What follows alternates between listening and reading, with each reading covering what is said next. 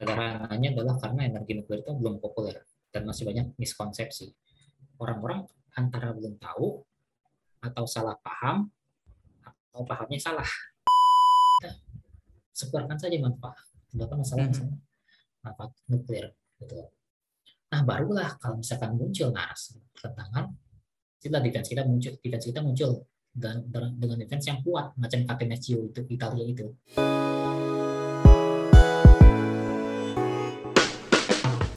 Hai, dari SEO Basic Initiative, aku Harun Ardiansyah dan ini adalah season ketiga dari podcast Bicara Nuklir. Di episode ini, aku ngobrol bersama Adika Dwi Jayanto, peneliti di Organisasi Riset Tenaga Nuklir BRIN yang sudah lama menyuarakan tentang energi nuklir di masyarakat.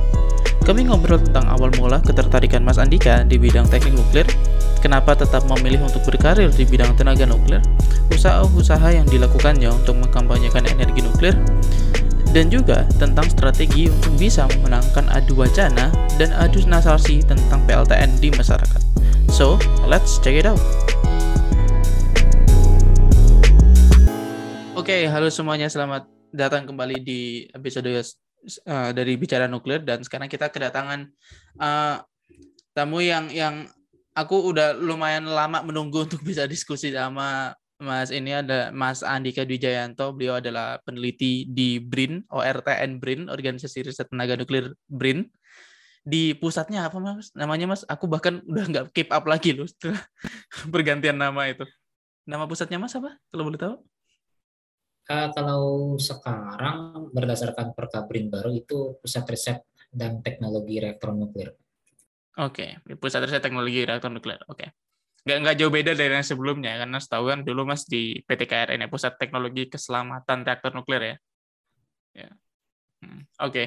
Dan ya kita mungkin akan bahas itu juga sedikit tapi uh, aku mau di awal ini aku mau apa sih ingin minta tolong dong mas diceritain tentang bagaimana mas sekarang bisa sampai di titik ini sekarang gitu. Mungkin dari kayak uh, backgroundnya Mas dulu mungkin di SMA kayak gimana terus habis itu kenapa ke teknik nuklir UGM karena kan aku tahu Mas juga tiga uh, tahun di atasku kan kuliahnya.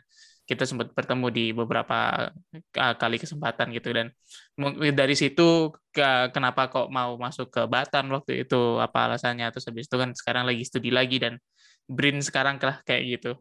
Mungkin minta minta tolong diceritain Mas backgroundnya Mas dulu gitu Uh, Oke, okay. kalau background mungkin ceritanya agak ya ceritanya agak panjang, agak lucu juga ya. Karena itu sebenarnya kalau aku itu nggak nggak minat sebenarnya ke belum ada minat pas SMA itu ke UGM, apalagi dari nuklirnya. Waktu itu belum ada sama sekali Karena pas kelas 2, sejak kelas 2 kan udah pada disuruh mikir masalahnya mau kuliah ke mana, itu. uh, dan yang kepikiran pertama kali adalah ITB. Ya saya kan mm-hmm. namanya stay-nya itu kan yeah. benar lagi tenar banget waktu itu ya. Mm-hmm. Cuma sama yang lucunya gini, pas ada kan ada kakak uh, kelas yang akhirnya kuliah di ITB juga. Lalu diceritalah pengalaman tentang di mana kuliah di ITB termasuk kultur belajarnya. Nah, setelah itu kok tiba-tiba jadi jiper ya. Mm-hmm. Jadi kayak ngerasa aduh ini kok gini banget ya kuliah kok kesannya serem gitu. Mm-hmm. Kalau serem itu mikir-mikir kuat nggak ya, kuat nggak ya. Akhirnya memutuskan ah, ini stay ini ITB ini kayaknya agak put on hold dulu lah. Lihat-lihat dulu yang lain. Lihat lain kan biasa teman-teman ada yang ikut bantu segala rupa yang biasa punya kimik-kimik passing grade-nya. Lihat lah mm-hmm. itu, pinjam lah iseng, liatin. Lihat yang Jogja UGM, atau muncul teknik nuklir, kaget apaan teknik nuklir jurusannya itu ya? Emang iya. Makanya bingung ini ah, ada yang kayak gini teknik nuklir akhirnya browsing-browsing lah cari-cari tentang teknik nuklir wah kelihatannya menarik. Udah ambil itu. Stay dilupakan sama sekali. Iya. Itu. dulu dulu di ya. sistemnya mas dulu ada kayak pilihan pertama pilihan kedua gitu nggak sih? Oh, ada iya, ya? SBMPTN gitu ya? Ya. ya kalau dulu kan namanya karena aku angkatan pertama itu sebutannya SNMPTN undangan. SNMPTN uh undangan. Ada SNMPTN uh undangan ada tulis Nah, kalau yang lewat jalur undangan, ini bisa memilih dua kampus dan tiap kampus masing-masing tiga prodi. Iya. Yeah. Nah, itu teknik udah taruh pertama. Hmm. pertama. Hmm. Gitu. Sebenarnya apa ya? Gak niat juga sih ngambil uh, kampus kedua cuma gara-gara disuruh guru BK aja di akhirnya ngambil kampus kedua IPB. Jadi aku tahu prodi yang aku pilih itu prodi macam apa. kan ini ya cuma sekedar memenuhi syarat doang. Tapi alhamdulillah masuk juga teknik nuklir. Hmm. Dan waktu itu satu-satunya di UGM diterima. Yang kan yang daftar UGM nggak cuma sendiri, ada beberapa. Yeah. Yang diterima lah, cuma aku.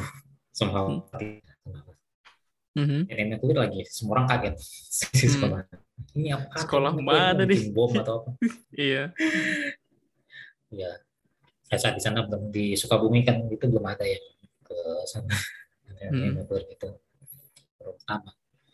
Yang kedua itu si Dede Topik tuh kalau pernah tahu angkatan 2012 kalau salah. Nah itu yang kedua dari Sukabumi mm -hmm. yang pertama aku kayaknya itu. Jadi gitu jadi benar-benar bukan sesuatu yang direncanakan sejak awal. Tapi karena memang apa ya udah ciper duluan dengan kehidupan di ITB kan. Mm-hmm. kalau setelah melalui masa-masa kuliah terus ada kan teman angkatan juga yang kuliah di ITB mereka mikir oh bagus udah bener ini kuliah UGM iya mm-hmm. karena S1 ITB kayaknya lebih memberikan daripada S2-nya Mm-hmm. Jadi ya gitu, mm-hmm. akhirnya masuk teknik nuklir. Padahal kalau pikir-pikir agak-agak nekat bunuh diri juga. Soalnya ketika UN nilai fisikaku itu paling rendah. Dibandingkan semua matkul gitu ya. Dibandingkan semua mata pelajaran gitu ya. Betul. Dibandingkan uh. di enam mata pelajaran yang diujikan pas UN, fisika hmm. itu paling rendah. Oh, okay. Masuk yang basisnya fisika semua. Itu kurang bunuh diri apa coba? iya sih. Mm-hmm. Tapi adalah pada jalannya ke sana ya Bismillah aja di jalan Hmm. Terus Mas, uh, terus kan ya menjalani menjalani kuliah gitu kan. Uh, pasti dong is sama sebagai sebagai sesama lulusan teknologi kita tahu lah gimana susahnya prodi kita gitu kan. Dan dan aku yakin pasti mas juga ngerasain lowsnya gitu kan. Kayak rendah rendahnya posisi terendahnya gitu kan. Dan aku penasaran sih ini ini coba aku tanyakan ke beberapa alumni juga gitu. Yang yang konsekuen dengan dengan ilmu nuklirnya gitu. Apa yang membuat mas kemudian kayak stay konsekuen bahwa ah ya udahlah biarin ini nilai gue emang at some point akan jelek tapi gue akan stay tetap di, di di di dunia nuklir aja gitu jadi peneliti nuklir mungkin gitu. Apa sih yang yang yang yang bikin mas punya punya semangat itu gitu? Kalau di mas sendiri menurut mas. Uh, kalau beberapa orang baru mengatakannya belakangan ini ya tapi mungkin kalau secara apa ya secara karakteristik itu udah muncul dari dulu ini ini banyak orang bilang kalau aku ini karakternya itu ya karakter intelektual dalam artian memang tipikal orang yang suka eksperimental, suka meneliti tentang berbagai hal dan sebagainya itu. Dan mm-hmm. kalau misalkan udah stay di satu tempat, uh, itu momen inersianya itu sangat kuat. Iya. Yeah. Mm. Susah susah berklaim lain, klaim mm. lain nanti. Contoh kalau misalkan misalkan aku nggak masuk ke teknik nuklir mungkin juga aku akan stay di situ terus Tapi yeah. karena dan karena di sini teknik nuklir akhirnya dan dan ternyata aku temukan dan aku menemukan wah ternyata ilmunya menarik gitu mm-hmm. dan setelah dipelajari pelajari wah makin dalam dipelajari wah ini memang benar sesuatu yang menarik untuk terus diulik mm-hmm. akhirnya ya udah why not meskipun pas ketiga pernah juga merasakan namanya nasakom sama bukan oh, kan kita semua. Kita semua pasti ngerasain kayak gitu nggak sih? Kayak iya, eventually. ya, luar biasa. Apalagi kalau udah apa namanya mekanika fluida dan termo apa ya uh, jadi satu ya. semester. Itu satu itu semester itu sadis itu. sih. Sadis itu. Sampai sekarang aku nggak tahu ya kurikulum yang sekarang. Semoga berubah tapi at least di zaman kita itu sadis paling sadis gitu emang ya, ya itu sadis itu. Udah yeah. rasanya aku masuk komputer semester tiga. Ya aku hampir kayaknya Iya. Mekanika fluida itu dua kali ngulang baru lulus. Wow, oke. Okay. Iya. Susah sih itu. Uh, ya. Ya, Terus kemudian ya, mekanika fluida itu hmm. mekanika fluida itu enak pas ngajarinnya. Pak dosen itu enak ngajarinnya ngerti, tapi pas ujian mumetnya nauzubillah. Ini iya ya. Ini kok kok hmm. kok, kok agak beda dari apa yang kita pelajari gitu kan. Ada perasaan kayak gitu kadang tuh ketika ketika ujiannya gitu kan. Makanya, kok tiba-tiba hmm. jadi kayak ini, ini gimana ini hmm. akhirnya kalau udah satu salah anaknya salah semua udah salam ya Hmm. Dan Mas, out of uh, semua topik yang, yang ada di bidang nuklir, kita kita, juga sama-sama belajar bahwa uh, di nuklir itu kan sebenarnya banyak kan topiknya. Kita bisa fokus ke lebih ke sisi sisi instrumentasinya, lebih ke deteksinya, lebih ke dia, apa reaktornya, ke hidro hidrologinya gitu. Dari semua topik itu, kenapa Mas memilih uh, studi reaktor nuklir, reaktor fisik, fisika reaktor gitu? Uh, kalau ngikut pernyataan Pak Kusnanto ya, Pak, dosen kita pernah juga bilang kalau ya, nah, dia pernah bilang kalau eh, apa ya, teknik nuklir itu pada intinya adalah energi, sisanya cuma remah-remah.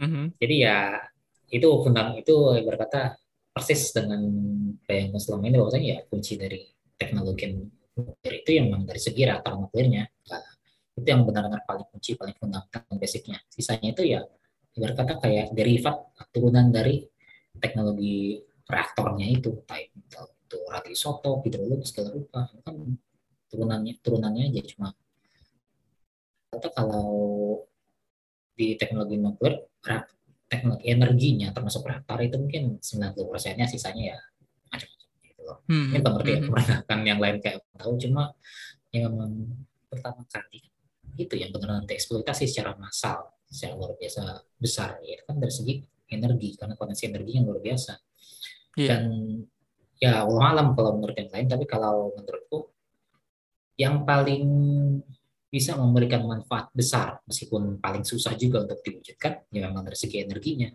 mm-hmm. karena kita mm-hmm. tahu sendiri kan ada pertama dari isu lingkungan kita dihadapkan dengan berbagai degradasi lingkungan polusi climate change yeah. dan solusi paling efektif efisien itu ya mau mau kita ke energi nuklir. Hmm. itu. hmm. masuk juga yeah. masalah ketahanan energi ketersediaan. Misalnya apakah yang nggak bermanfaat? Ya bermanfaat. Kayak misalnya medical isotop itu kan perlu untuk terapi kanker segala rupa. Cuma pertanyaannya apakah sekupnya kalau kita lihat apakah bisa global itu? Sebesar kalau mungkin enggak. Karena kalau misalnya kita lihat ya di itu lah eh, masalah radioisotop itu mm-hmm. high flux reaktornya yang di di paten ya di Belanda itu yeah. itu kan katanya menyuplai paling enggak 40% dari uh, medical radioisotop global gitu ya. Iya. Yeah. Dan itu gue baca sekitar cuma 1,1 juta dosis. Oh, Oke. Okay. Itu berarti sekitar cuma mungkin nggak tahu 2,8 juta dosis itu. Artinya kan hmm. memang besar pasarnya. Tetapi apakah semua global itu pikir nggak tapi nggak nggak nggak global kebutuhan kita kan energi.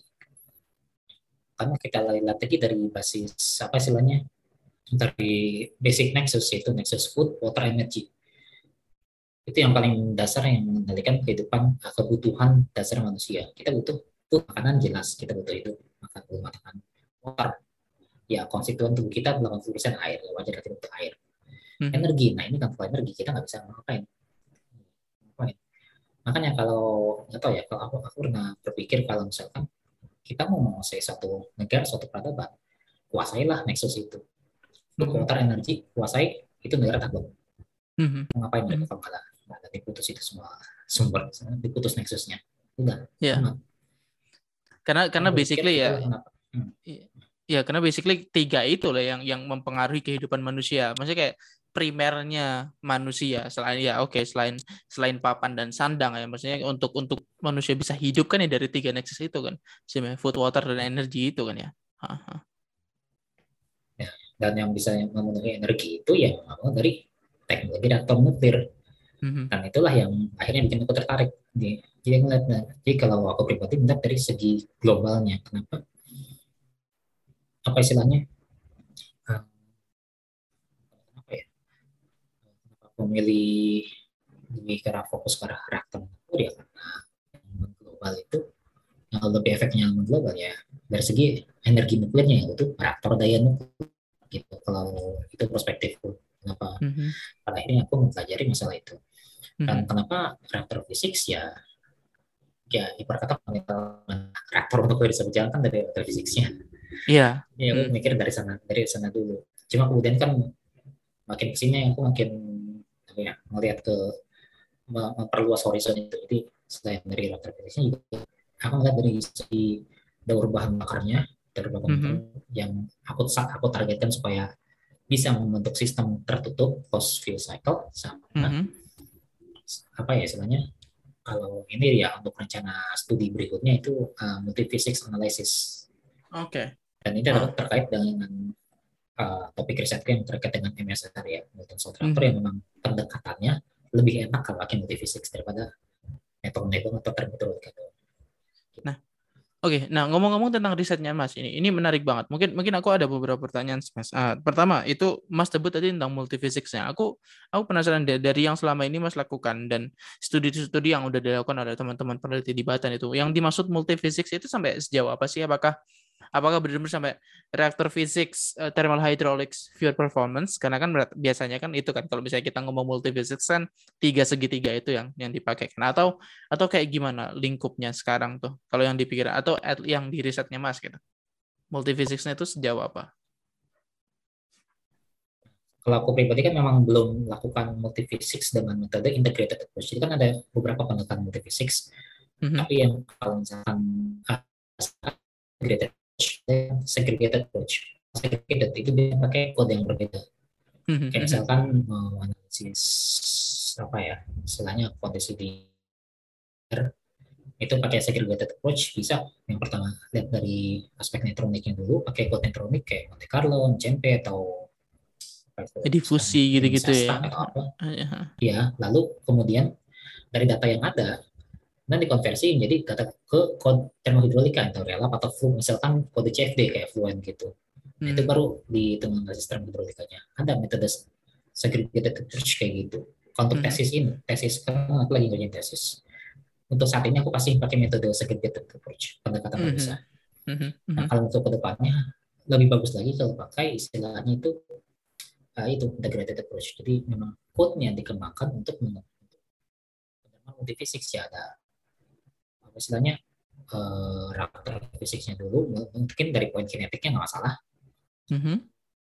penyebab apa dihitung juga aspek termohidrolikanya dan Iya. kalau untuk MSR itu yang lebih penting apakah di Batam itu udah ada riset kayak gitu Eh, sejauh penel- sejauh analisis literatur yang udah diterbitkan belum sampai ke metode yang integrated approach Mhm, karena mhm. kalau boleh jujur code development di Batam itu agak mandek sejak paling paling tempo Mhm. gitu. itu pindah ke Jepang kan Semenjak- tahun 99 Oke. nah sejak, Semenjak ya, semenjak, semenjak itu beliau pindah macet ya macetnya. Oke, I see, I see, I see.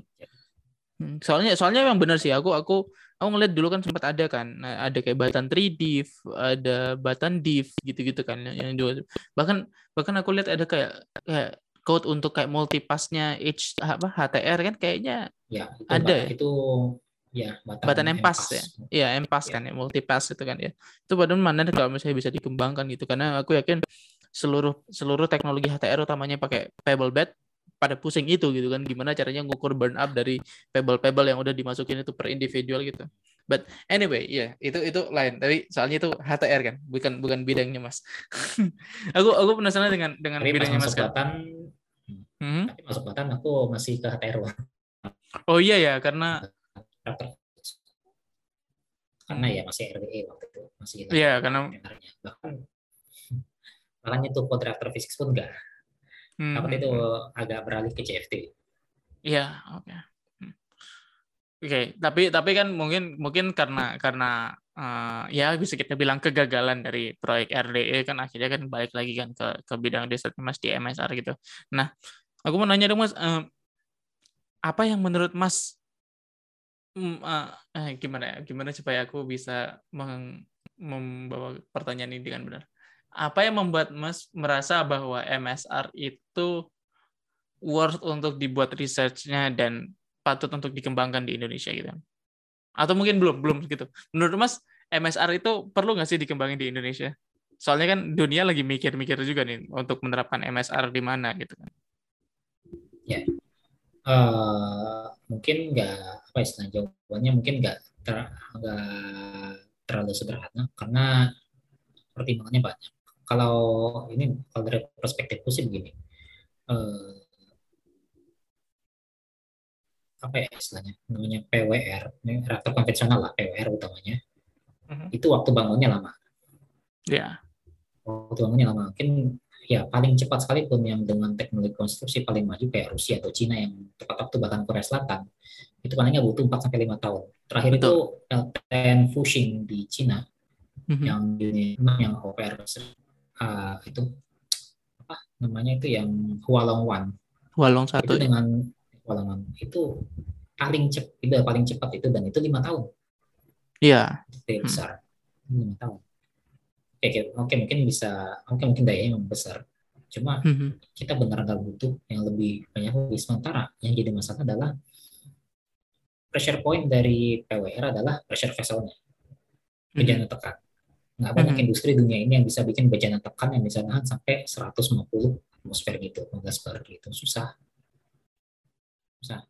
Susah untuk ada, ya dibuatnya ya, gitu ya, supaya punya integrity yang kita mau gitu. Ya. Hmm bahkan itu kayak jadi proyek konstruksi yang luar yang besar-besaran gitu loh bahkan termasuk mm-hmm. di kemarin baca berita di tentang itu apa Hinkley Point yang di Inggris yeah. itu buat masang domnya aja itu butuh keren terbesar di dunia yeah. kadang mikir-mikir juga wah perlu se, se sebesar ini ya semahal ini ya mm-hmm. jadi kayak mikir uh, bisa nggak sih dibikin lebih simpel lebih cepat gitu. Lalu mulailah cari-cari. Nah itu nanti cari. Kemungkinannya apa? Kan ada Gen 4 tuh yang katanya bisa lebih baik gitu. Oke Gen 4 ada berapa teknologinya? Ada enam. Ya lalu dilihat lagi. Lalu dilihat lagi mana yang nggak butuh pressure vessel? Hmm, hmm, ternyata cuma hmm. ternyata ada ada tiga.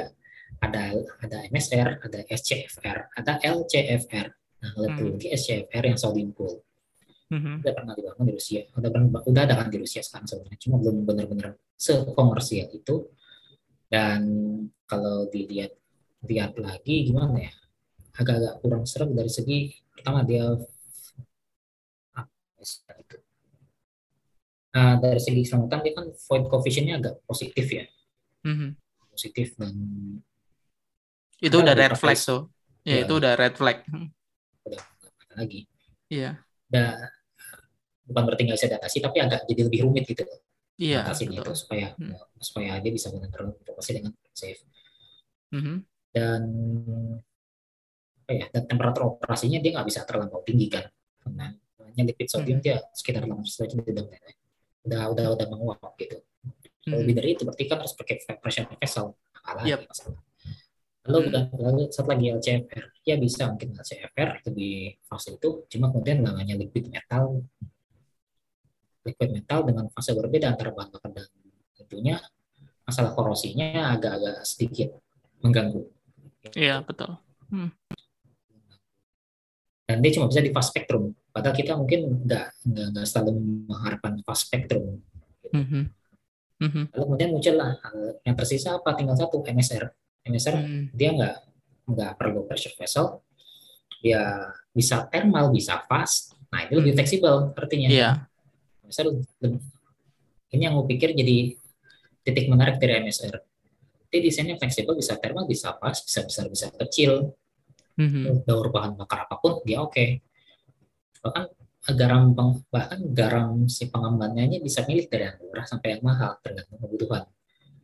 Kebutuhan dan kemauannya seperti apa gitu. Mm-hmm. Itulah kenapa pikir MSR itu menarik dan tapi bukannyakah garam fluoride itu korosif, betul korosif, cuma dari karakter sistem reaktor MSR-nya sendiri itu jauh lebih mudah mengakali sistem si, uh, ke apa, sifat korosif dari MSR daripada si sifat korosif dari LCFR. Kenapa? Karena bahan bakar dan pendinginnya nyatu, nggak beda, nggak terpisah. Yeah. Artinya struktur yang bermasalah dengan korosinya itu lebih sedikit. Kalau di LCFR mungkin lebih dari satu masalah mm-hmm. itu itu struktur luarannya si pipingnya lalu nya si bahan bakarnya ya, ya. si cladding bahan bakarnya kelangsungan bahan bakarnya itu bukan bermasalah juga mm-hmm. plus ya beberapa benefit lain dari MSR misalkan uh, online itu yang jelas ya bisa online processing. Jadi si produk visi itu bisa dibuang ketika beroperasi jadi nggak perlu apa apa ya uh, agak senilai gimana ya menerjemahkan masa awalnya nilai ekonomi netron itu.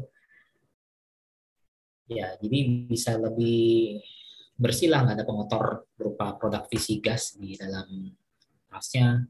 Bahkan bisa Oke. namanya membentuk sistem thermal breather pembiak Oke. thermal pembiak Hmm. thermal itu kan bisa di bahkan di LWR juga bisa cuma akhirnya dia bikin si derajat bakarnya itu terlalu rendah dan bahan bakar harus sering diganti iya prosesnya lagi lebih susah lagi Iya lebih benar. gampang di MSR lebih gampang. MSR bahan bakarnya udah cair tuh bahannya udah cair olahnya dalam bentuk cair sistem redup sistem ekstraksi reduktif dan sebagainya Oke, Pak. mhm.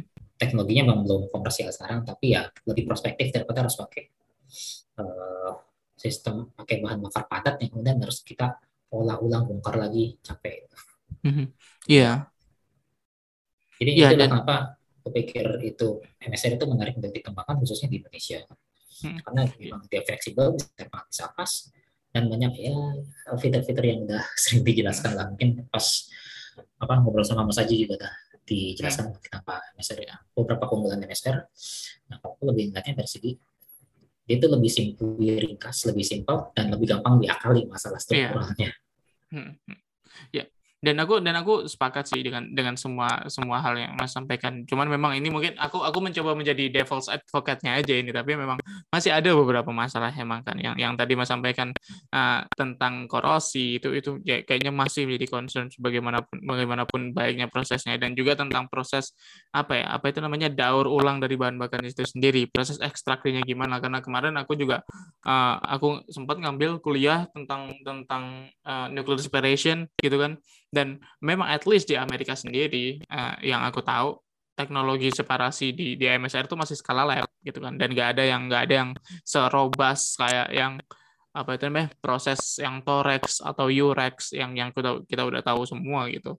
Nah, ada yang serobas itu. Itu mungkin bisa menjadi salah satu poin yang bisa menjadi bahan riset juga sebenarnya. Soalnya memang ya aku rasa kayak meskipun ya aku aku sebagaimanapun aku aku tipe-tipe orang yang kalau ngomongin teknologi nuklir aku mencoba sekonservatif mungkin sebenarnya kayak PWR itu adalah ya untuk sekarang mungkin lebih visible tapi di di masa yang akan datang eventually MSR is coming kan ya dan dan rasanya itu kalau misalnya kita nggak nggak akan nggak mengetahui teknologinya sejak dini kita akan ketinggalan gitu kan mas ya hmm. ya jadi kayak pernah Mas Aji bilang itu di itu bahwasanya kenapa Jepang sendiri kan di Jepang nggak ada rencana untuk bangun MSR dalam waktu dekat. Tapi riset MSR itu tetap digalakkan. Soalnya kenapa? Alasannya kalau MSR udah komersial dan dominan, nah Jepang nggak ketinggalan gitu. Iya. Yeah. Hmm. Hmm. Dan ada yang menarik dari tentang masalah kontroversi tadi. Hmm. Eh, pas awal-awal Torpon itu sekitar 2015 ya. Aku, yeah. aku ngikutin Torpon itu dari 2015 kira-kira dan aku pikir ada satu filosofi desain mereka yang menarik, yaitu mereka mengakui bahwasanya korosi itu memang ada, udah nggak usah ditanggulangi, ngakalinya bukan dengan ngakali dari segi struktural material yang tahan korosi itu nggak ribet, ribet. Ya udah ganti aja seluruh terasnya, ganti yang baru. Mm-hmm. Gitu. Mereka pernah pakai sistem swap and replace. Iya. Oh, nah, tukar ganti, tukar ganti gitu. Kalau udah selesai itu ganti. Dan mereka bahkan asumsinya sangat konservatif dalam artian sekalipun si reaktor yang bisa bertahan tujuh tahun sebenarnya mereka memutuskan untuk mengakhirinya di usia empat tahun. Iya. Jadi gitu. Mm-hmm. Dan, dan kalau penilai ini salah satu cara kalian yang simple tapi efektif. Kan. Apalagi kalau dinilai dari segi kompleksnya juga kan enggak. Titik itu nggak terlalu besar juga. Jadi ya enak gitu. Iya. Mungkin ini bisa diterapkan juga masa depan, termasuk ya kalau desain PCMS yang pandang, ya dosen dewa kita, iya. itu juga didesain untuk mengganti si grafik moderator itu ketika reaktor beroperasi. Jadi kalau usah dimatikan, itu grafik bisa diganti. Oh, online ya, itu ya, online, online ya. moderator replacement ya, ya. Jadi tidak tahu, oh ya emang udah gitu porsinya, mau diapain lagi, udah kita ganti aja di periode tertentu gitu. Ya, itu ya itu gue pikir sesuatu yang menarik dan ya mana. Iya dan dan patut patut untuk diuji lah at least, patut untuk dibuat eksperimennya gitu supaya kita tahu kayak sebenarnya apa sih dampaknya gitu kan? Dan hmm. ya itu itu mungkin uh, sedikit lah ya. Aku aku nyinggung dikit banget dengan uh, tentang risetnya mas dan aku yakin masih lumayan ada banyak lagi riset-riset yang mas lakukan. Cuman aku mau switch topik dikit nih mas. Aku kenal mas itu dari ketika dari ketika ketika aku maba dan dan dan udah mau nginjak semester tiga empat lima gitu kan. Aku lihat mas itu udah memang udah dari awal itu udah getol banget kan mempromosikan nuklir gitu kan ya aku aku penas aku penasaran sih karena memang ya perlu diakui juga bahkan peneliti nuklir pun kadang nggak semangat mempromosikan nuklir juga gitu apa yang membuat mas ngerasa kayak kita perlu gitu mempromosikan energi nuklir ini gitu sederhananya adalah karena energi nuklir itu belum populer dan masih banyak miskonsepsi. Mereka kalau misalkan kita kita mengetahui sesuatu kita tahu itu bagus kita tahu itu bagus potensinya banyak tapi tapi orang-orang antara belum tahu atau salah paham atau pahamnya salah hmm. Hmm. nah ini ini jadi berkata kayak loh kok nggak dipakai sih ini kenapa ini nggak dipakai kenapa orang-orang belum tahu nah, harusnya orang banyak tahu lah berarti kalau kita excited terhadap sesuatu kan gitu mm-hmm. kayak ya sama aja kayak habis nonton film di bioskop oh filmnya wah ini filmnya bagus nih ini di review lah di mana di internet di media sosial ini ya tonton ini bagus kayak, kayak gitu kira-kira ini kalau kita hmm. lihat sesuatu yang bagus ya emang secara alaminya kan alamiahnya kita akan ya ngajak-ngajak orang juga lah iya kita akan sama, -sama tahu gitu Iya, dan dan sama-sama mendapatkan manfaat dari teknologi itulah ya, hmm. basically. Iya. Dan Apalagi dan aku lihat beberapa gimana? Ya, dan apalagi misalkan teknologi itu memang banyak dipakai atau bahkan dimusuhi untuk alasan-alasan yang enggak enggak enggak terlalu masuk akal. Jadi ya mungkin hmm. kayak berkata kayak panggilan hati gitu loh untuk untuk untuk setidaknya sedikit membantu mengenalkan ya, fakta yang sebenarnya pada masyarakat. Meskipun mungkin memang belum terlalu luas jangkauannya, tapi paling enggak ya diusahakanlah, diusahakan dulu lah. Mudah-mudahan nanti makin banyak yang ikut uh, menyebarkan informasi ini. Ya, ibaratnya kan kayak mm -hmm. visi berantai gitu bang, mulai dari satu yeah. nyebar, nyebar lagi, nyebar lagi, nyebar gitu. Iya, yeah, ya. Dan eventually, eventually akan punya critical mass yang cukup supaya semuanya bisa tahu gitu kan. Iya. Yeah. Iya. Yeah. Nah, uh, dan dan media yang Mas gunakan itu akan awalnya kan pakai itu ya, pakai tulisan utamanya buku juga ya, artikel dan buku ya. Mas aku tahu Mas juga jadi kontributor tetap di warstek.com nah, yang uh, kolega kita juga gitu kan Dokter Sidik. Terus juga uh, Mas bikin beberapa buku juga bisa diceritain Mas beberapa bukunya. Aku tahunya itu at least dua yang aku tahu, tapi aku yakin aku yakin Mas udah bikin relatif banyak buku. Yang pertama kan tentang Let's Run the Numbers, terus habis itu yang tentang yang tentang mitos itu energi. kenapa ya, yang kenapa energi nuklir untuk, ya kenapa energi iya iya kenapa energi nuklir yang benar-benar nuklir memang sebenarnya dua itu dan mm -hmm. ada sebenarnya ada beberapa lagi yang direncanakan cuma memang masih bentuk draft belum belum mm -hmm. karena masih mhm. berusaha mm -hmm. untuk menyempurnakan Oke mas, mungkin bisa diceritain dikit nggak sih mas tentang yang yang buku tadi itu, yang kenapa energi nuklir dan Let's Run the Numbers itu sebenarnya motivasinya apa dan isi dari bukunya itu apa sih? Kalau kenapa energi nuklir ya, itu sebenarnya sih buku ya, belum bisa buku karena masih singkat. Yeah.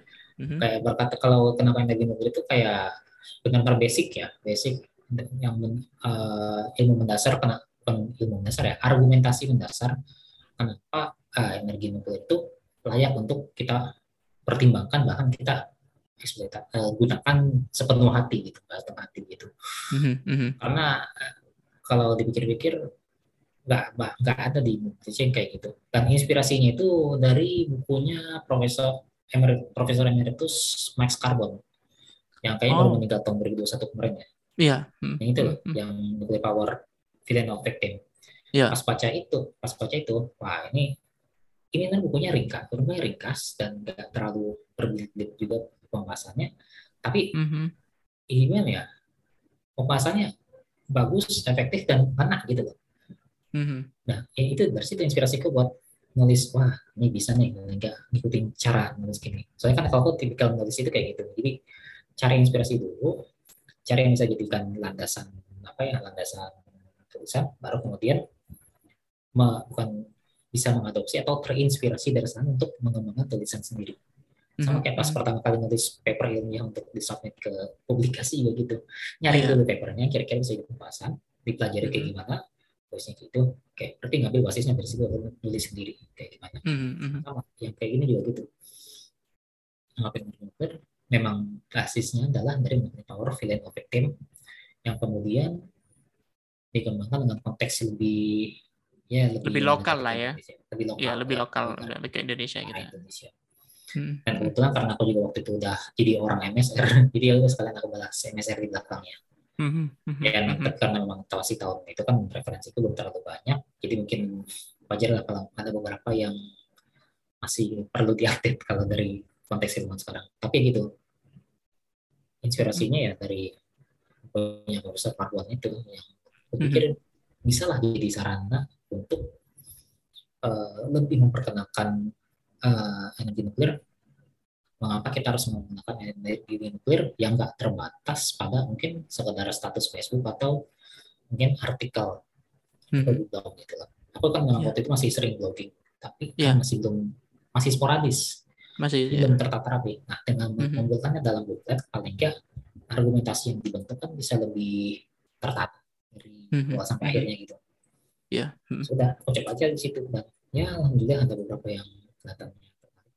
Hmm. Nah, beberapa data juga makin sini makin update juga, mungkin kalau yang keliru-keliru ya perbaiki, tambahin Hmm. lagi.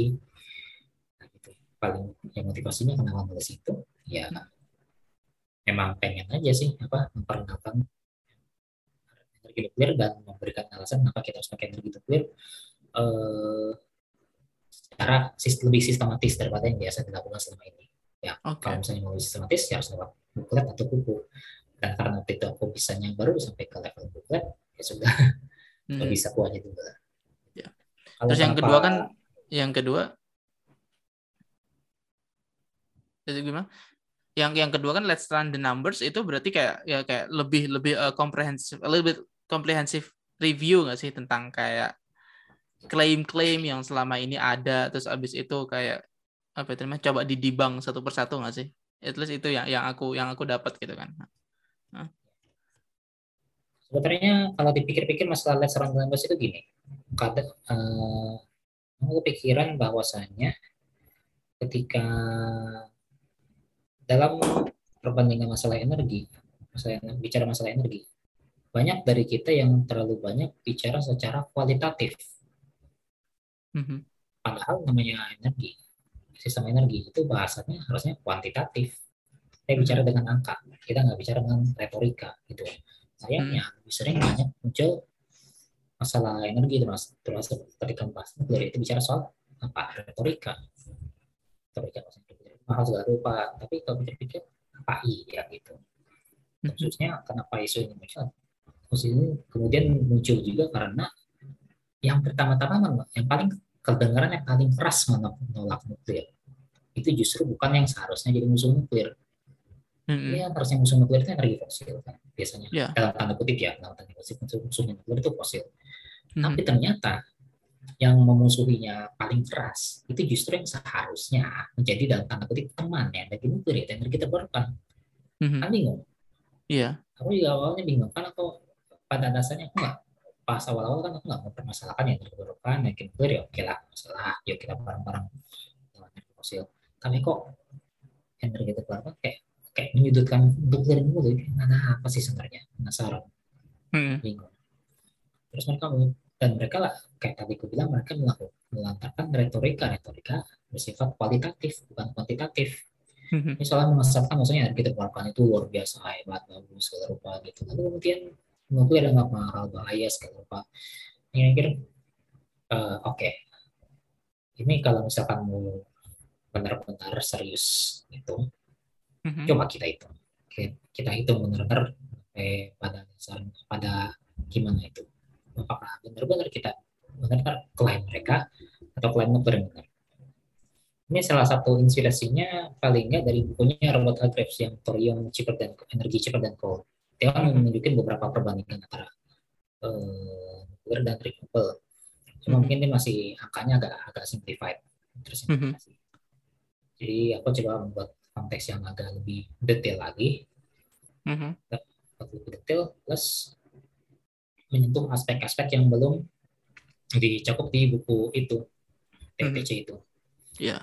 Contoh gini, kalau di seingatku eh, di buku apa ya, Test Round the Numbers itu paling nggak ada lima atau enam topik gitu. Yang pertama itu kan pertama jelas tentang harga listrik dan itu pakai hitungan-hitungan. Emang bukan hitungan yang kompleks ya kayak yang harusnya itu pakai LCOS segala rupa gitu rumusnya ada macam-macam. Enggak, ini yang pakai benar-benar pakai rumus Excel doang. Itu Mhm. hitungan sederhana hitungan lebih simpel, cuma paling nggak itu membantu memberikan gambaran ken- kenapa energi nuklir itu sebenarnya kalau dihitung itu itu justru lebih murah energi fosil daripada energi terbarukan gitu. Jadi Mhm. selain bahwasanya energi terbarukan itu lebih murah, gitu, nuklir sehingga nuklir tidak dibutuhkan, itu adalah argumentasi yang keliru. Itulah kenapa bahkan sebelum sebelum banyak yang membahas kalau itu pada tahun 2016 aku kalau nggak salah 2016 aku tulisnya dan di update 2017 aku udah bahas tentang perlunya baterai dan Mhm. uh, hydro storage. Jadi kan nggak mungkin namanya energi terbarukan yang sifatnya intermittent itu minyak jalan terus menerus itu bisa mendaya memberi mendayai um, negara tanpa adanya backup atau storage. Yang Backup lebih apa? bisa reliable ya. Betul. Kalau backup kan kayaknya agak kontraproduktif dengan niat energi terbarukan untuk mengurangi emisi karbon karena pasti Hmm. backupnya itu adalah gas alam. Jadi untuk perbandingan aku nggak pakai itu, aku akhirnya apa pakai apa? Energy storage yang dibahas dua, yaitu hydro, pump hydro, atau apa itu namanya satu lagi baterai. Ya. Nah yang paling sering didengung-dengungkan itu kan baterai. Kalau baterai, makanya waktu itu aku, bandingkan dengan yang udah ada waktu itu di Jerman, di Schwerin, Mhm. Sama yang uh, Tesla Power Pack. Iya. Tesla Power Pack kayaknya ada beberapa- udah ada perubahan pasar di tahun 2020 ini, jadi bisa kira-kira. Eh, gimana ya waktu itu kan aku mengasumsikan harga pada saat itu dengan harga sekitar eh, masa dalam tanda kutip masa depan waktu itu. Jadi mungkin tahun 2020-an. Kata aku kan nulisnya 2016. Mhm. Sehingga pada akhir yang diasumsikan bahwasanya harga baterai akan turun jadi seperempatnya. Dan ya kind of true. Sekarang baterai memang kira-kira segitu, udah turun seperempat dari harga waktu itu. Pertanyaannya adalah bagaimana impact-nya terhadap apa namanya harga listrik? Ternyata ya lumayan juga. Dan ini ini ngasumsikan Tesla itu bener loh ngakuin aku bahwasanya bisa 5000 kali siklus charge discharge itu bener kayak gitu. Ya oke lah. Mungkin enggak enggak bakalan terlalu mahal banget. Tetapi impact-nya ke energi harga energi terbarukan ada dan lumayan gitu. Mhm. Mhm. Apalagi kalau pakai pump hydro. Pump hydro bukan cuma harganya yang lumayan mahal, lahannya juga nggak ada. Ya, Iya. bayangkan kalau kita mau ma- kita mau pakai kombinasi antara uh, energi terbarukan dengan pump hydro untuk menderdai setengah apa Indonesia, setengah Indonesia kalau nggak salah. Itu itu butuh uh, lah lahan untuk airnya untuk pump hydronya itu seluas Pulau Jawa. Mhm. Ya. Mau gimana ceritanya bikin struktur seluas Pulau Jawa? Cuma buat pump hydro kan nggak mungkin. Iya. Nggak logis. Berarti saat yang menggunakan adalah yang akan disebut adalah baterai. Mhm.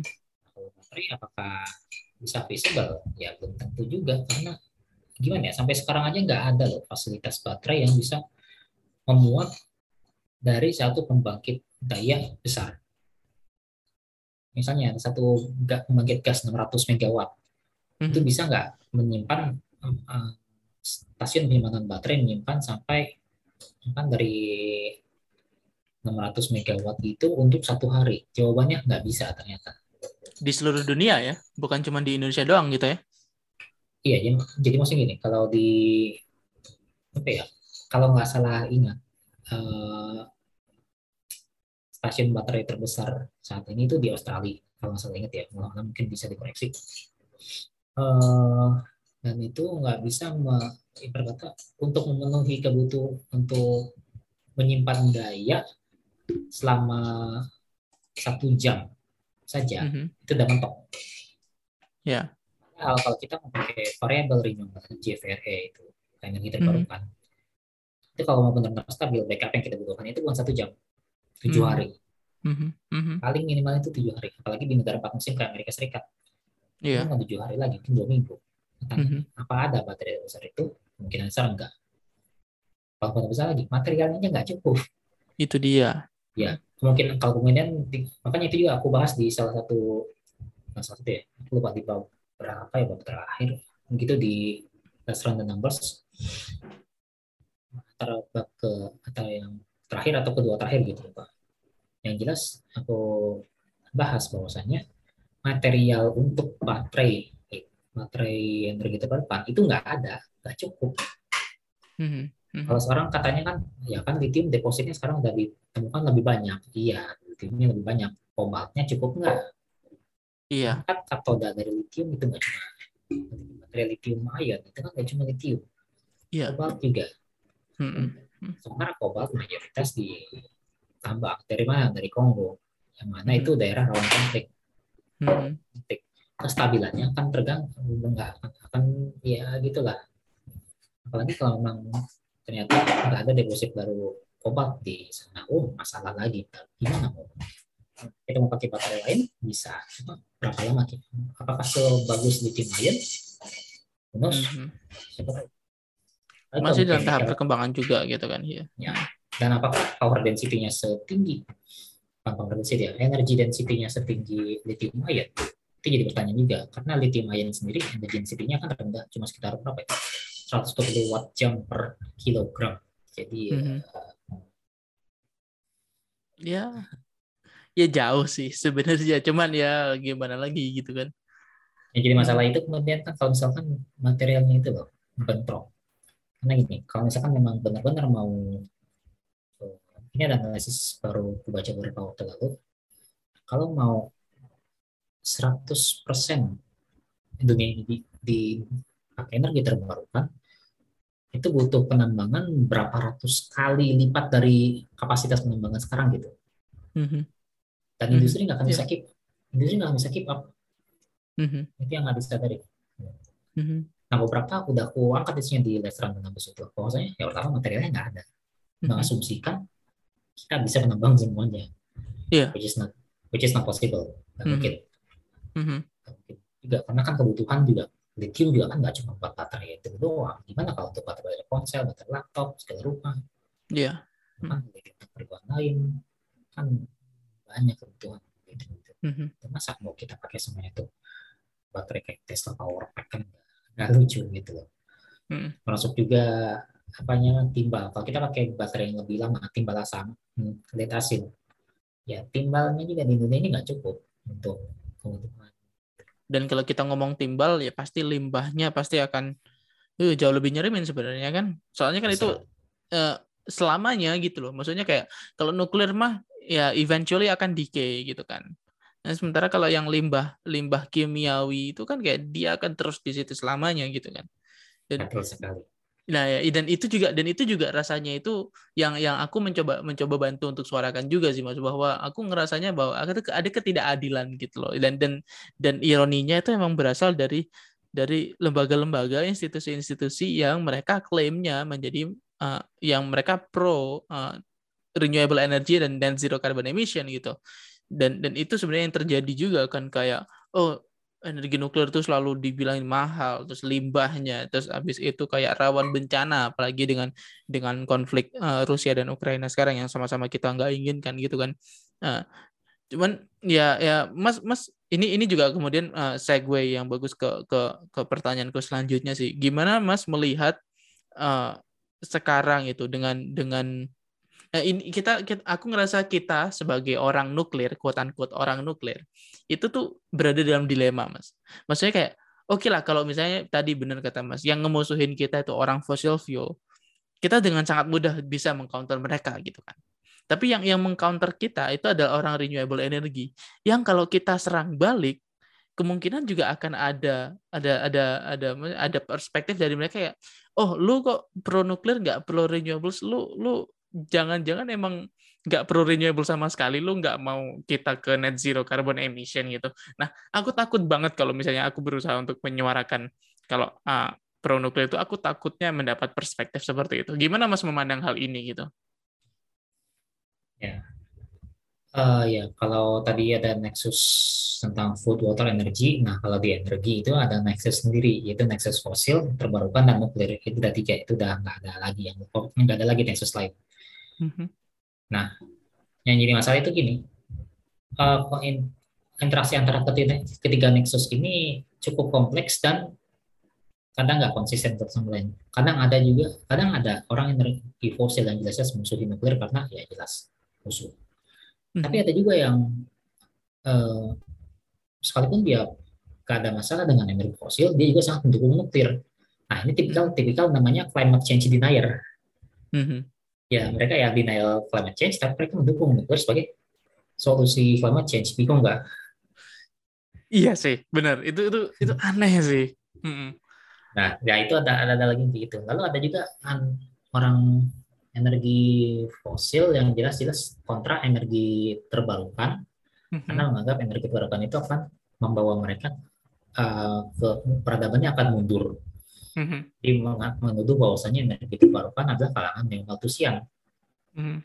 Yang Malthusian gitu loh. Yang kayak apa ya, degrowther lah kalau istilah sederhana. Iya benar, degrowther. Cuma ada juga yang mengatakan bahwasanya ya udah kita partneran aja antara antara energi terbarukan dan energi fosil, yang mana energi terbarukan dipakai untuk untuk menghantam energi nuklir supaya mereka nggak terganggu. Berkata nabuk nyilih tangan kalau kata orang orang apa orang Sunda atau orang Jawa gitu.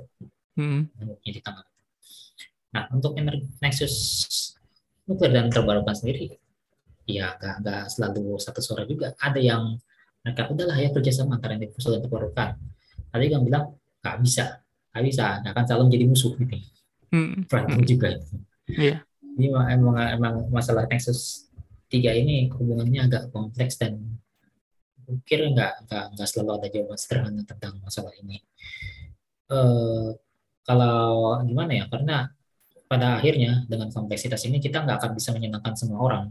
Betul. Nah, pada hmm. akhirnya pasti ada juga yang akan uh, menjadikan apa uh, yang menjadikan kita sebagai public enemy lah atau mungkin hmm. menjadikan menganggap kita berbeda haluan dengan itu dengan yang mm -hmm. satu suara sekalipun. Mm -hmm. Kalau aku pribadi memang gimana ya mungkin kalau aku pribadi agak berbeda dengan kalangan nuklir pada umumnya ya. Karena aku nggak aku memilih jalur yang agak ekstrim. Jadi aku hmm. menganggap harusnya we don't need renewable kita nggak butuh renewable karena nuklir bisa handle semuanya sendiri. Kecuali kalau misalkan masalah off grid atau apa ya monggo terserah. Ya misalnya. Cuma hmm. kalau untuk di main grid kita nggak butuh renewable hmm. ini bukan masalah kita asal aku nggak suka renewable atau apa. Aku bicara soal mana yang paling efektif mana yang paling efisien yang gak makan banyak resource mm-hmm. dan gak paling susah gitu. Mm-hmm. Karena kalau kalau kalau dirimu baca storyku tentang story Instagramku tentang itu kan itu ada beberapa yeah. data yang mm-hmm. kawasannya uh, in, biaya integrasi energi renewable ke jaringan listrik itu jauh lebih tinggi daripada integrasi nuklir atau baseload lainnya. Mm-hmm. Ya, kenapa? Sederhana aja kan mereka variabel. Iya. Yeah. Kalau nuklir lain baseload. Yeah. Ini variabel. Mm-hmm. Jadi kan berarti antara input dengan output nggak belum tentu matching. Iya. Yeah. Ini kalau input input nggak matching itu jaringan bisa jaringan listrik bisa jebol. Mm-hmm. Nah perlu ada namanya balancing, perlu ada namanya uh, penyesuaian untuk intervensi operator segala rupa, upgrade jaringan mm-hmm. supaya bisa menerima itu dan itu mahal. Iya. Yeah. Nggak nggak murah. Mm-hmm. Artinya kita buang-buang banyak resource. Mm-hmm. Yang dibebankan siapa? Ya pengguna pada akhirnya kan. Kalau yeah. pengguna ya negara mm-hmm. yang kan yang justru kita hindari. Mm-hmm. Masuk juga uh, masalah uh, total cost juga semakin besar penetrasi renewable ke dalam jaringan listrik. Kalau kita bicara dalam mazhab ekonomi kapitalis, uh, economic value, nilai ekonomi dari si energi itu makin rendah dan apa ya titik negatifnya ketika nilainya itu lebih rendah daripada break even point-nya adalah ketika melebihi faktor kapasitasnya. Jadi kalau katakanlah di Indonesia energi surya mungkin faktor kapasitas antara 13 sampai 16 sampai 18 persen gitu ya. Mm-hmm. Nah kalau udah lebih dari itu penetrasinya di atas katakanlah toro energi surya itu 20 persen itu market value-nya udah rendah. Belum Tapi mungkin itu berlakunya sih untuk yang benar-benar penganut masa ekonomi neoliberal kayak Amerika Serikat ya, karena kan udah deregulated. Nah kalau masih regulated kayak di Indonesia mungkin nggak terlalu tidak jauh kecuali beban listrik PLN makin, makin itu besar. dia Iya, uh, ya jadinya ya memang bedanya di Amerika kan uh, uh, ada beberapa ISO istilahnya itu integrate uh, apa gitu aku lupa. Dan itu memang penyuplai listriknya kan dari berbeda-beda. Ada ada lima atau enam institusi. Sedangkan di Indonesia cuma ada PLN gitu kan. Jadi ya Indian semua bebannya ada di PLN dan menarik sih mas melihat uh, ini uh, melihat ya gini ironinya sih sebenarnya. Ironi antara antara gerakan pro renewables dan pro nuklir ini ini aku melihat ironinya banget sih. Soalnya to be fair juga gitu loh bahwa kalau misalnya kita lihat sekarang gitu kan Jerman akibat akibat akibat adanya Rusia dan Ukraina ini kan negara-negara kayak Jerman, kayak Belgia itu kan mereka mendapat tekanan tinggi karena karena mereka sebagian besar ya oke okay, mereka memang pionir renewables karena mereka punya investasi terbesar di renewables gitu kan dibandingkan semua negara yang ada di dunia. Tapi Indian ketika Rusia lagi krisis kayak gini, mereka kena dampaknya juga karena mereka mengimpor gas dari Rusia juga gitu kan. Belgia kemarin bahkan menterinya salah satu menterinya bahwa ada mereka ada rencana phase out 7 PLTN mereka dan karena itu mereka breathtaking kan karena karena ada Ukraina apa Rusia Ukraina ini mereka backtracking mereka cuman mereka akan ngidupin dua maksimal gitu kan. Yang lima lainnya akan tetap di phase out gitu which is which is aneh banget itu sebenarnya. Dan aku mulai merasakan itu sebenarnya ada di Indonesia gitu meskipun ya amit-amit jangan sampai gitu kan. Oh pertikaiannya berdampak ke kita. Cuman aku ngerasa itu itu menjadi menjadi apa ya menjadi contoh gitu loh betapa betapa hipokresinya uh, renewable energy sebenarnya terhadap terhadap nuklir juga gitu. Ada standar ganda gitu yang ditimbulkan gitu kan bahwa apa ya kalau misalnya kita boleh main whataboutism gitu misalnya gitu kan. Oke okay, uh, limbahnya limbahnya nuklir itu memang berbahaya tapi kita punya teknologi untuk mengaturnya apakah itu hal yang sama berlaku di limbah-limbah renewable?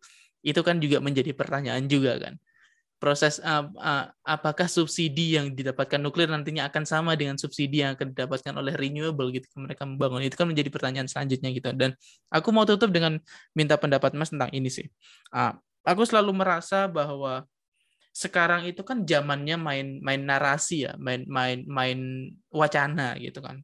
Apa yang dikeluarkan di publik gitu kan dan bagaimana kita bisa menginfluence publik gitu loh. Dan aku ngerasa sekarang itu renewable memenangkan permainan wacana itu, permainan narasi itu. Gitu.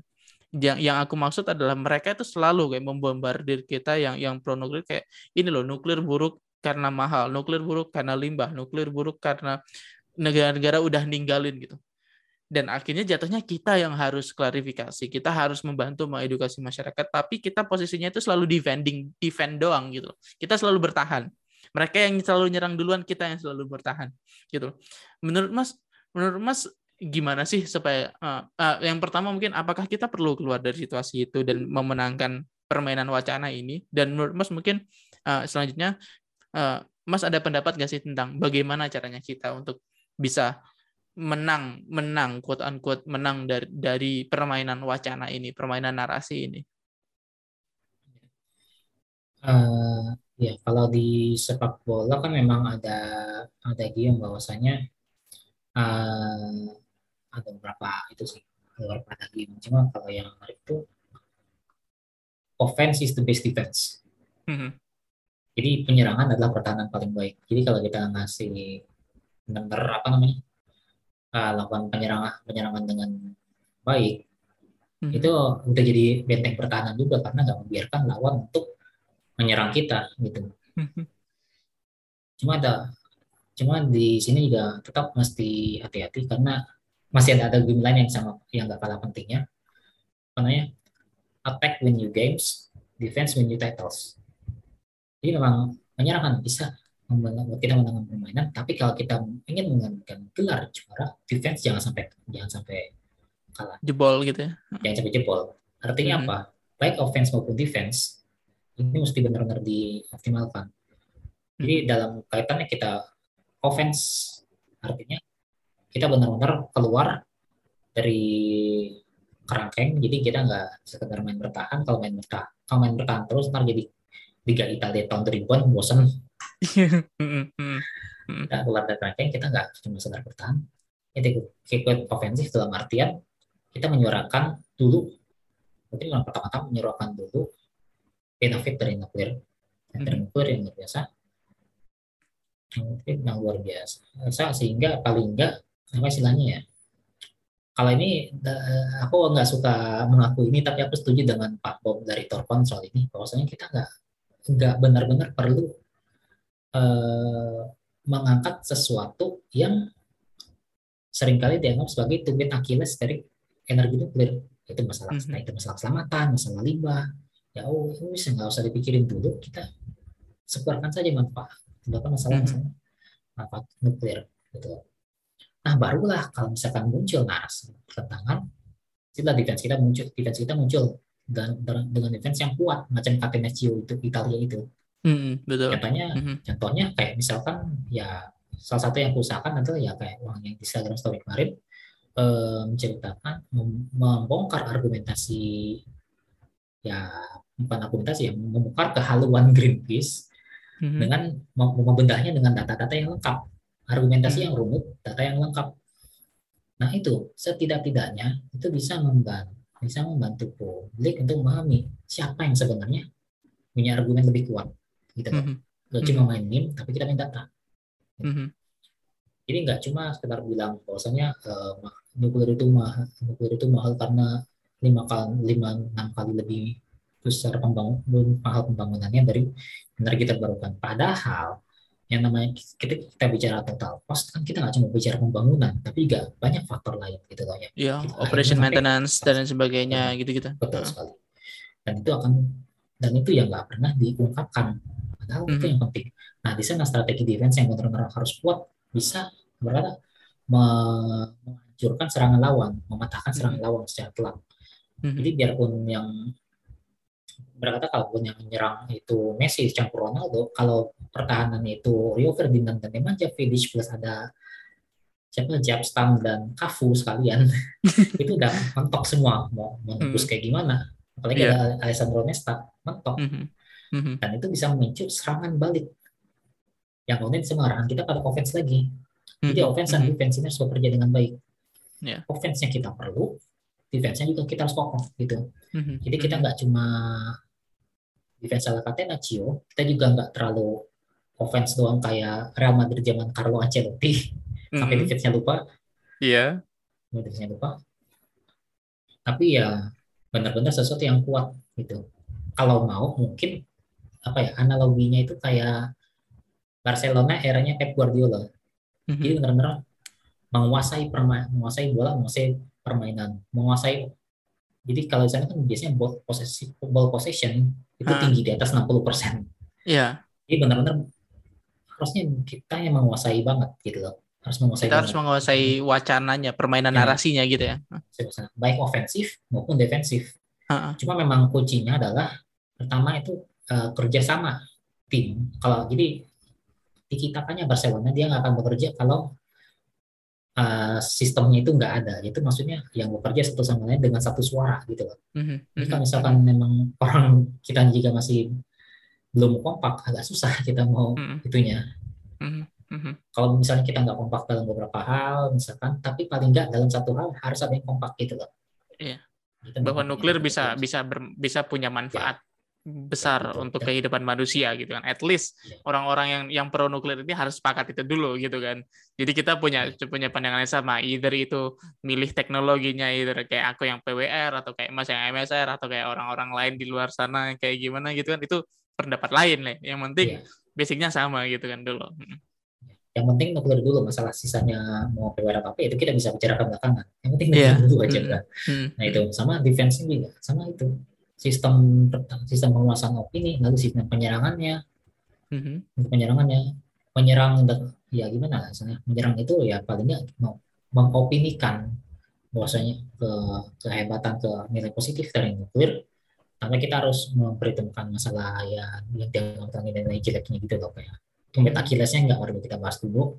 Yeah. Nah kalau diserang balik dengan senjata tumit Achilles itu, barulah defense kita tentang itu yang bisa kita mainkan itu defense kelas mm -hmm. dunianya itu yang sebenarnya. Mm -hmm.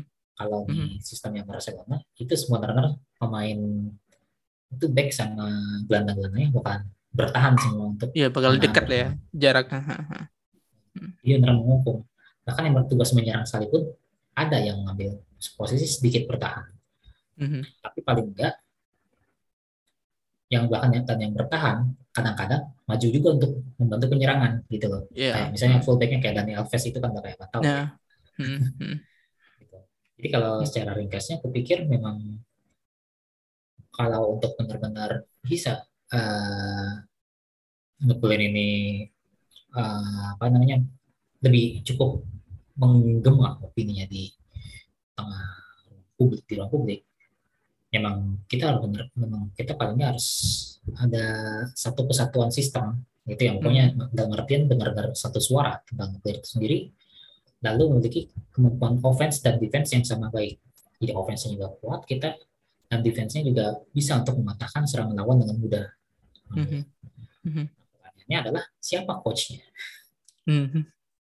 nah siapa yang bakalan jadi memegang mantelnya itu? Apakah mungkin satu sistem secara keseluruhan kayak satu klub? Ya mungkin berarti itu harus entah itu organisasi atau think tank. Nah mungkin si profesi inisiatif bisa mulai merambah ke arah sana. Nggak tahu mungkin mm -hmm. gimana pendirinya ini. Yeah. Kalau dari kalau saat ini dari ORTN Brin agak susah ya karena maksudnya kan dengan integrasi ke Brin gini eh, apa eh, daya apa ya independensi dan daya apa ya kekuatan X Batam itu agak itu berkurang cukup drastis karena mm-hmm. kan kalau Brin kita nggak bisa mengharapkan mereka untuk ngurusin nuklir doang mm-hmm. mm-hmm. jadi agak agak terkekang pada saat ini jadi paling enggak memang kalaupun dari dalam Brin itu memang ada individu-individunya yang bisa bergerak sendiri saya misalnya aku mm-hmm. misalnya cuma pasti geraknya akan nggak akan seleluas nggak akan terlalu leluasa kecuali memang bergabung bergabung dengan ya apa lembaga organisasi di luar itu cuma apakah mm-hmm. itu mewakili ORTN kan nggak mungkin pasti mewakili ya, organisasi betul. itu ini kan jadi betul. masalah mm-hmm. jadi memang benar perlu diperbanyak lagi stakeholder yang mau untuk nuklir di luar gitu mm-hmm. ya ini kayaknya dari sebuah bisnis inisiatif kita bagus sudah ada satu nih nah tinggal memperluas lagi jaringnya nah, supaya iya. paling enggak bisa lebih banyak yang benar-benar bisa sounding nuklir meskipun tanpa diminta hmm, hmm. gitu. Nah kuncinya itu sebenarnya itu. Sounding nuklir tanpa diminta yang artinya reaksi chain fission reactionnya udah udah, udah mulai super, terjadi. udah, ya, yeah. udah super kritis lah udah k efektifnya sama dengan satu. Lebih bahkan satu koma dua gitu. Ya ya gitu lah dan dan itu memang yang kita impikan sih. Maksudnya uh, di CBC inisiatif sendiri kan kita kita kita kan bermula dari concern bahwa selain Batan nggak ada lagi organisasi di luar di luar pemerintahan yang berfokus di bidang nuklir. Ada paling itu ya departemen kita sendiri departemen teknik nuklir dan teknik fisika. Cuman ya lagi di bawah di bawah UGM jadi aku yakin agak terbatas juga. Dan ya berharapnya dengan uh, gerakan kita yang yang berasal dari luar ini bisa semoga lebih leluasa gitu kan melihat apa yang terjadi di luar sana dan kita bisa meresponnya dengan dengan jauh lebih fleksibel gitu kan dan ya uh, terima kasih banget nih Mas Andika karena udah berkenan aku ajak ngobrol ini ya, ini sama. memang yang yang aku impikan banget sih ngobrol-ngobrol tentang tentang ini bahwa bagaimana kita bisa menyusun strategi bahwa kita sama-sama orang yang punya passion di bidang nuklir dan ingin menyuarakan nuklir, tapi di satu di satu sisi lain kita juga perlu aware bahwa kita itu juga kadang bisa di di tackle dari segala sisi dan kita harus punya strategi untuk menanggulangi itu. Jadi sekali lagi terima kasih dan untuk teman-teman yang mendengarkan sampai jumpa di episode selanjutnya. Bye bye semuanya.